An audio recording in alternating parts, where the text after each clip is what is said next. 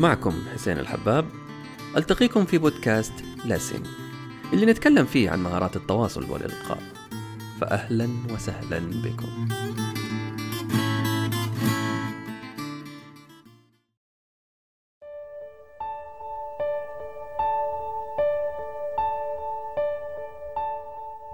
كل منا يملك آلة موسيقية لم يكتشفها البعض ولم يستخدمها البعض الآخر. بإمكانك أن تلهم العالم وبإمكانك أن تدمر العالم. بإمكانك أن تأخذ ما تريد وبإمكانك أن تحرم نفسك مما تريد. بإمكانك أن تثير الحماس وبإمكانك أن تكسب التعاطف. وكل ما تحتاجه لفعل ذلك هو أن تستخدم هذه الآلة. هذه الآلة هي صوتك. حلقتنا اليوم أعزائي المستمعين بعنوان لون صوتك واللي حيساعدنا فيها ضيفنا على إطلاق قدراتنا الصوتية المدفونة إن صح التعبير.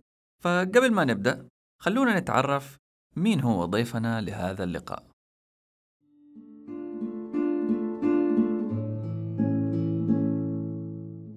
هو صاحب الصوت الرخيم الذي يحبه كل عشاق السفر. فهو صاحب التعليق الصوتي لإرشادات ركاب طائرات الخطوط السعودية.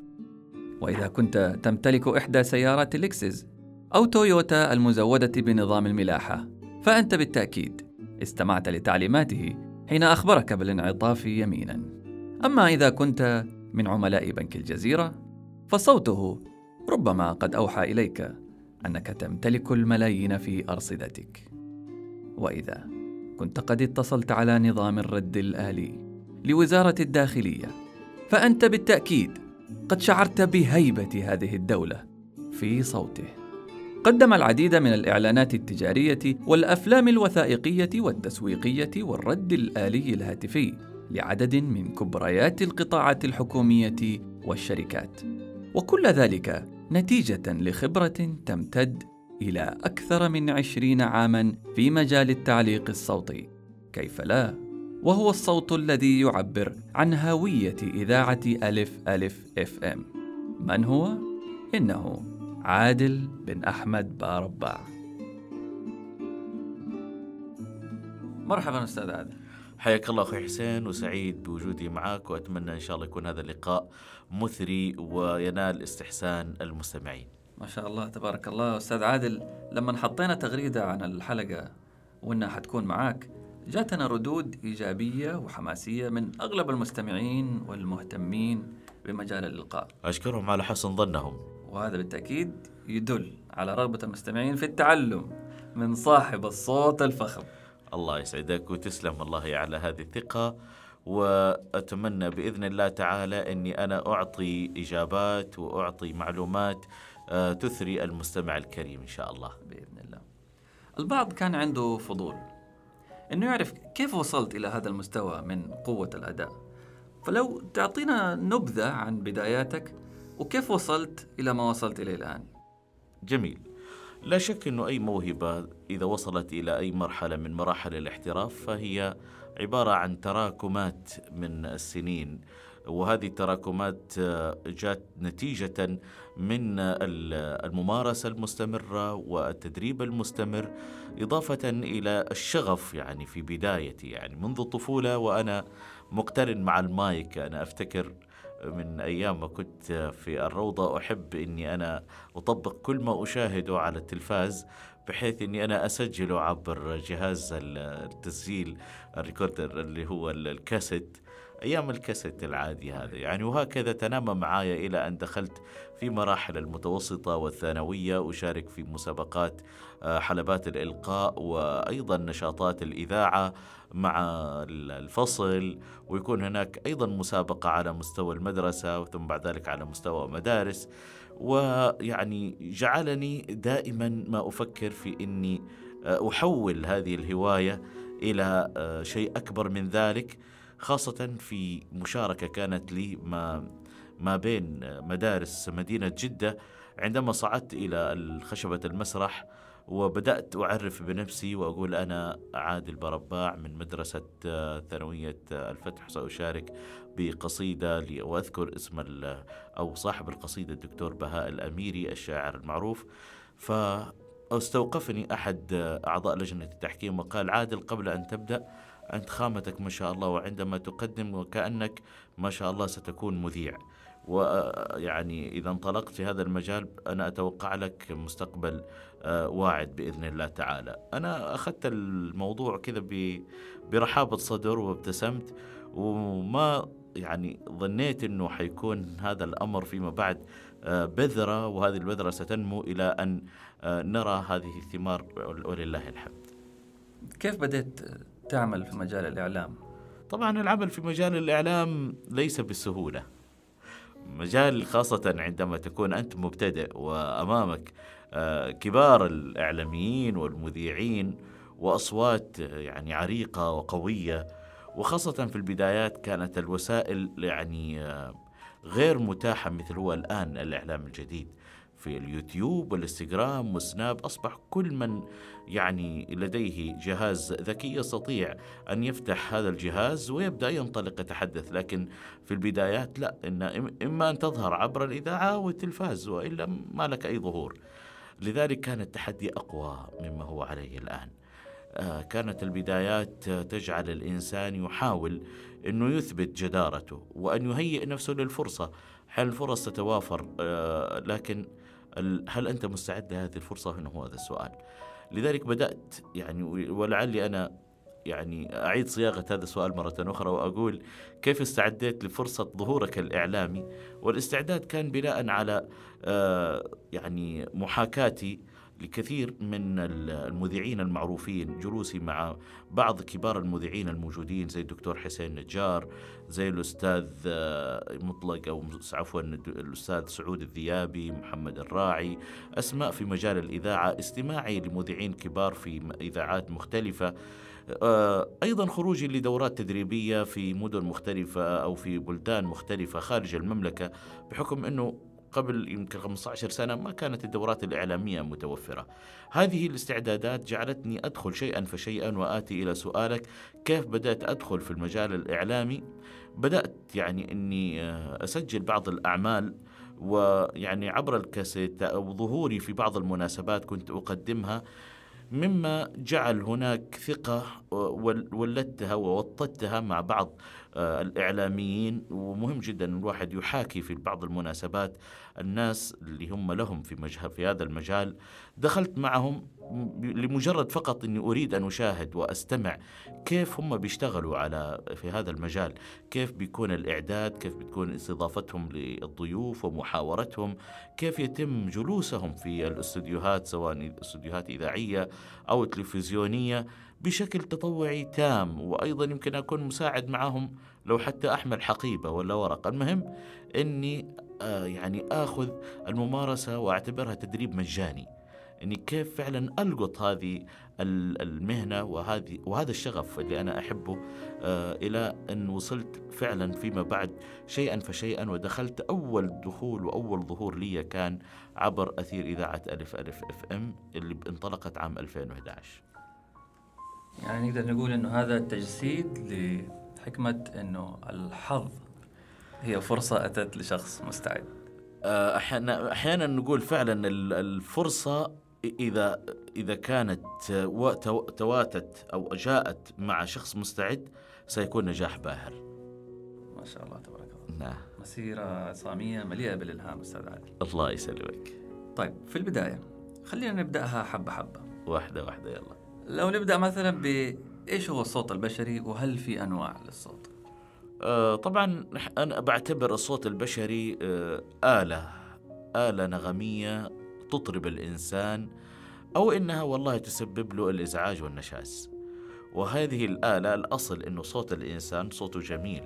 يبقى على أنه يعمل على آه، يعني شحذ هذه الآلة آه، تضبيط وترتيب هذه الآلة. آه، صوت الإنسان هو عبارة عن نفسية جيدة وجسد مرتاح وعبارة عن تنفس أيضا جيد لأنه الصوت آه، السليم في التنفس السليم.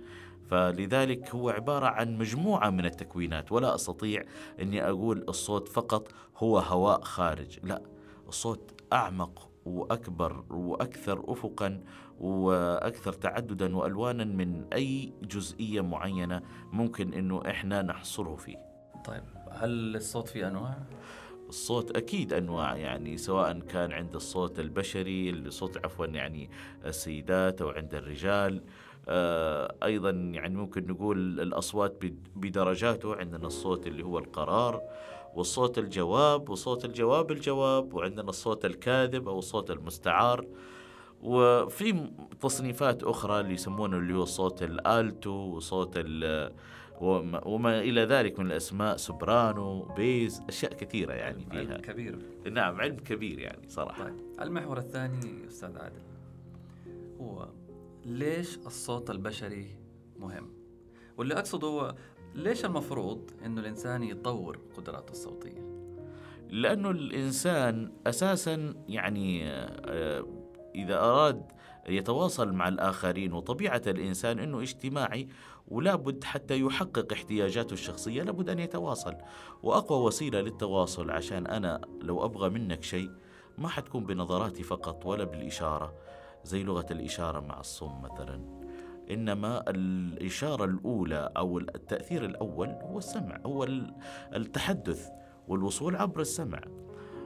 لذلك فعلا عندما نعمل على الصوت فإحنا نعمل على أداة تأثيرية لا يستهان بها فلا يمكن أن تحضر مناسبة أو إنك أنت تحضر سواء كانت هذه المناسبة على مستوى أسري أو على مستوى عالمي أو على مستوى محلي إلا ولمكان التحدث والخطاب مكانته الكبيرة.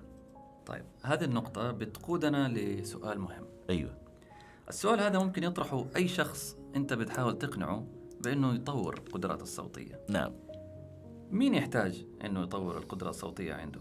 هل الموضوع ده يهم الجميع؟ قول يعني مين اللي ما يحتاج أنه يطور قدرته الصوتية؟ عشان يكون الإنسان آه، يعني واضح ومؤثر لابد أن يتحدث بطريقة مؤثرة، إحنا ما نتكلم لمجرد الكلام، إحنا نتكلم لاننا نريد أن نحقق آه، رغبة معينة أو نريد أن نصل إلى شيء معين. يعني مثلا الأب حتى يكون مؤثر مع آه، أبنائه لابد يكون صوته مؤثر. مو مجرد أنه التأثير معناه أني أنا أصارخ أو أنه يكون صوتي محمح لا لكن الأسلوب عندما يكون في شيء من الحب شيء من لما تكون بطبقة معينة بتلوين معين. شوف مدى التأثير الكبير اللي حيكون على الأبناء كذلك الزوج مع زوجته. آه الطريقة والأسلوب لها يعني مهمة جدا. أيضا إحنا ممكن أن نقيس حتى مستوى آه، تحضر الشعوب ومستوى تخلف الشعوب من خلال كلامهم من خلال صوتهم. يعني في المثل الفرنسي اللي كنا بنقوله إنه الشعوب إذا تحضرت همست. فهذا دليل على إنه الصوت حتى اختيار وليس مجرد الكلام حتى اختيار مستوى ودرجة الصوت وطبقة الصوت لها دور أيضا في معرفة إذا كان هذا الإنسان متعلم مثقف مؤدب من خلال طبقته الصوتية فسبحان الله من أعطى هذه التأثير في هذا الإنسان وإذا تعلم وتدرب عليه بالتأكيد راح يكون مؤثر بشكل كبير. يعني باختصار الكل يحتاج كل ما نعم. له لسان يحتاج إلى أكيد أكيد. المعلم يحتاج والمحامي يحتاج وحتى الطبيب يحتاج إذا أراد أن يتعامل مع مرضاه أو يتعامل حتى مع التيم اللي معه إذا كان في عملية معينة إذا ما كان واضح في اختياره للآلة المعينة راح يجيب العيد على قولهم. فالكل يحتاج فعلا. حتى كابتن الطيار اللي حيكون على يتحدث مع برج المراقبة لابد أن يكون بصوت واضح ومعروف كيف يتحدث وأنا يمكن جلست مع بعض الكباتن أنه فعلا إذا كان في بعض الأخطاء تحدث بسبب أنه طريقة النطق غير واضحة. لذلك يلجؤون أحيانا مع برج المراقبة لنطق بعض الكلمات بطريقة مغايرة حتى لا تفهم بشكل آخر. لأنه أحيانا السوء وين يقع؟ عندما ننطق بكلمات الطرف الآخر يشك هل أنت تريدها كذا أو كذا؟ هل أنت تسأل أم تجاوب؟ هل أنت نطقتها بكلمة ترغب في شيء معين أو شيء آخر تماما؟ فلذلك مهم جدا الواحد يتعلم ويتدرب على مهارات تركيز الصوت. بما إنك ذكرت مشاكل الطيارين مع الأبراج أي. بحكم خبرتك الطويلة في مجال الإلقاء هل في مشاكل في أصوات الناس ممكن يكونوا غير مدركين أصلا إنها موجودة؟ أكيد طبعا.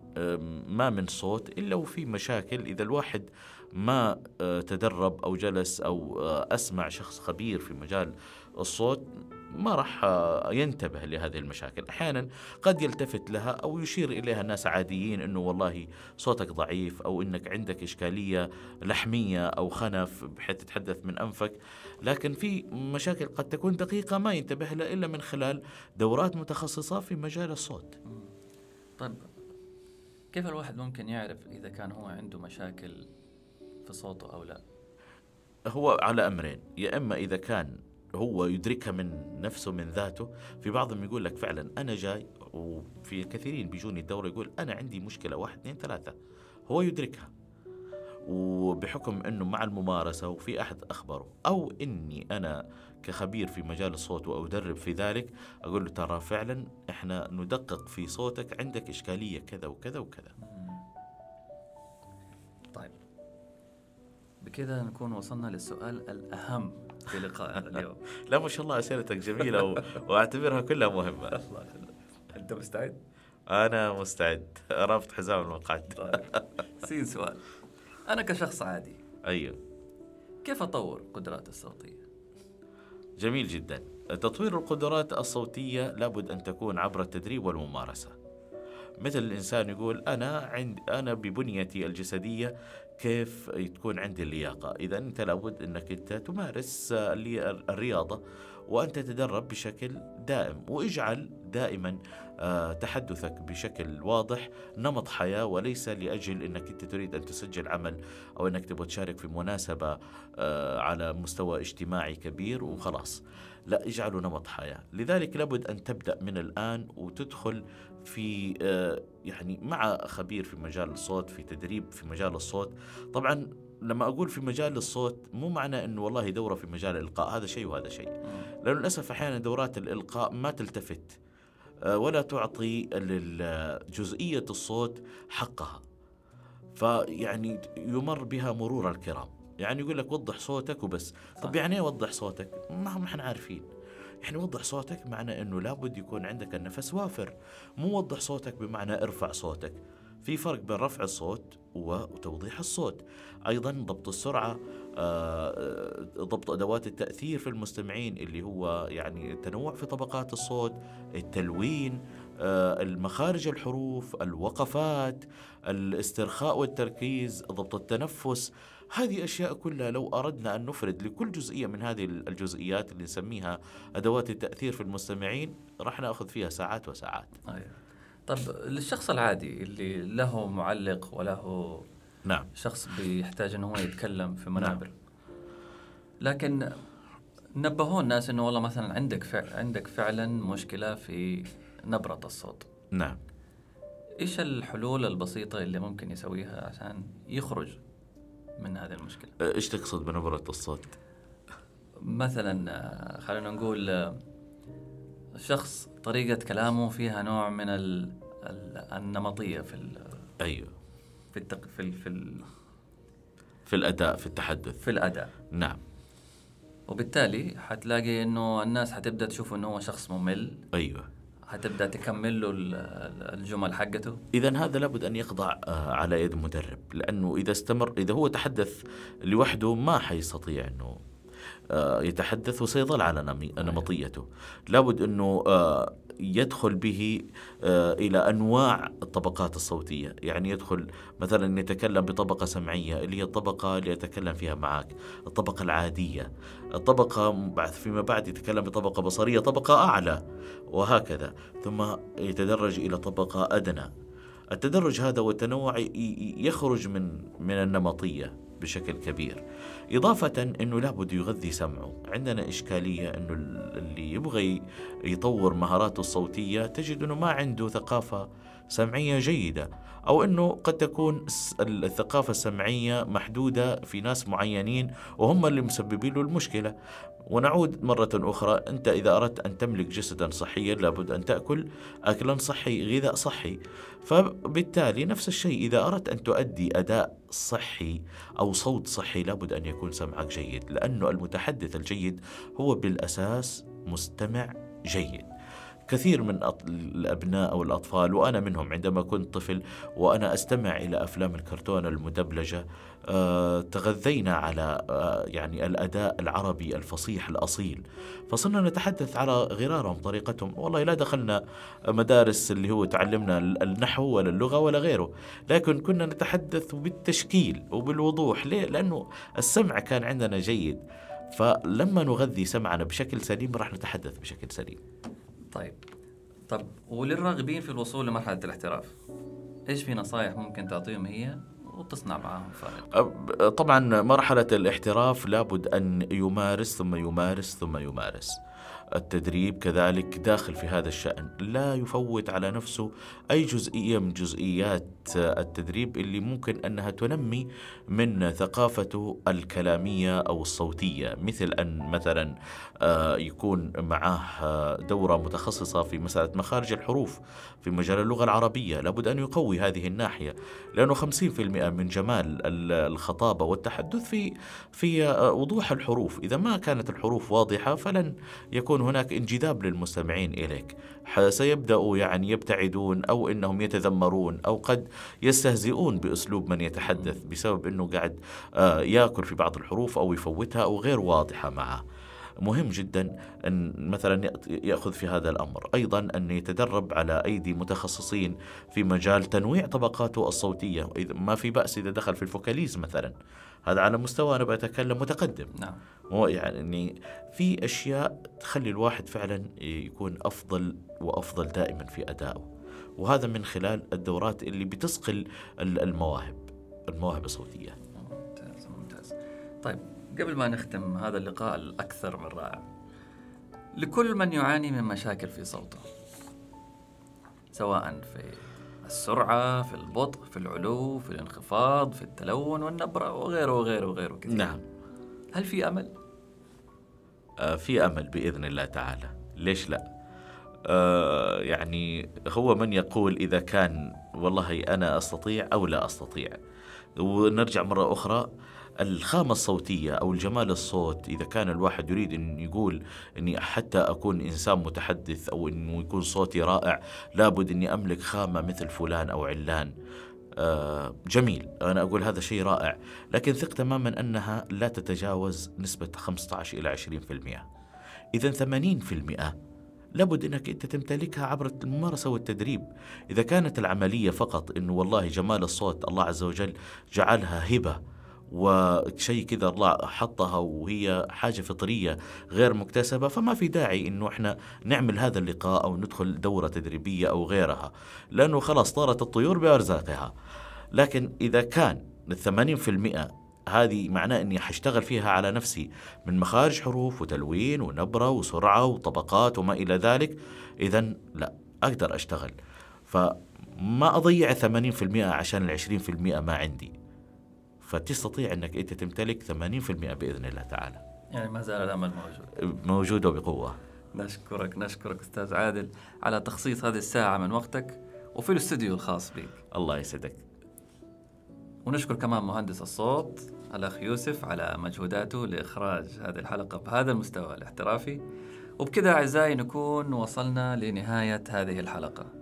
ولمزيد من المعلومات في كل ما يخص الأداء الصوتي من معلومات ودورات تدريبية بإمكانكم متابعة الحسابات الشخصية للإعلامي عادل برباع واللي حتكون مكتوبة في خانة الوصف الخاص بهذه الحلقة. أنا أشكرك قبل ما تختم أخوي حسين وطبعا حسين حباب من المتدربين المميزين حقيقة آه، وعبر طبعا البودكاست وقناته الخاصة لسن.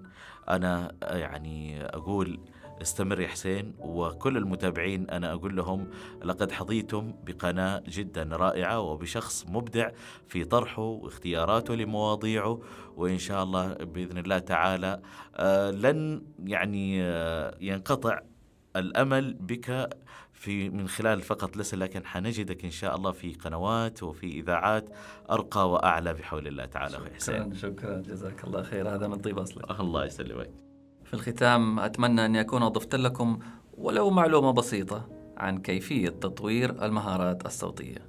كان معاكم حسين الحباب وإلى اللقاء.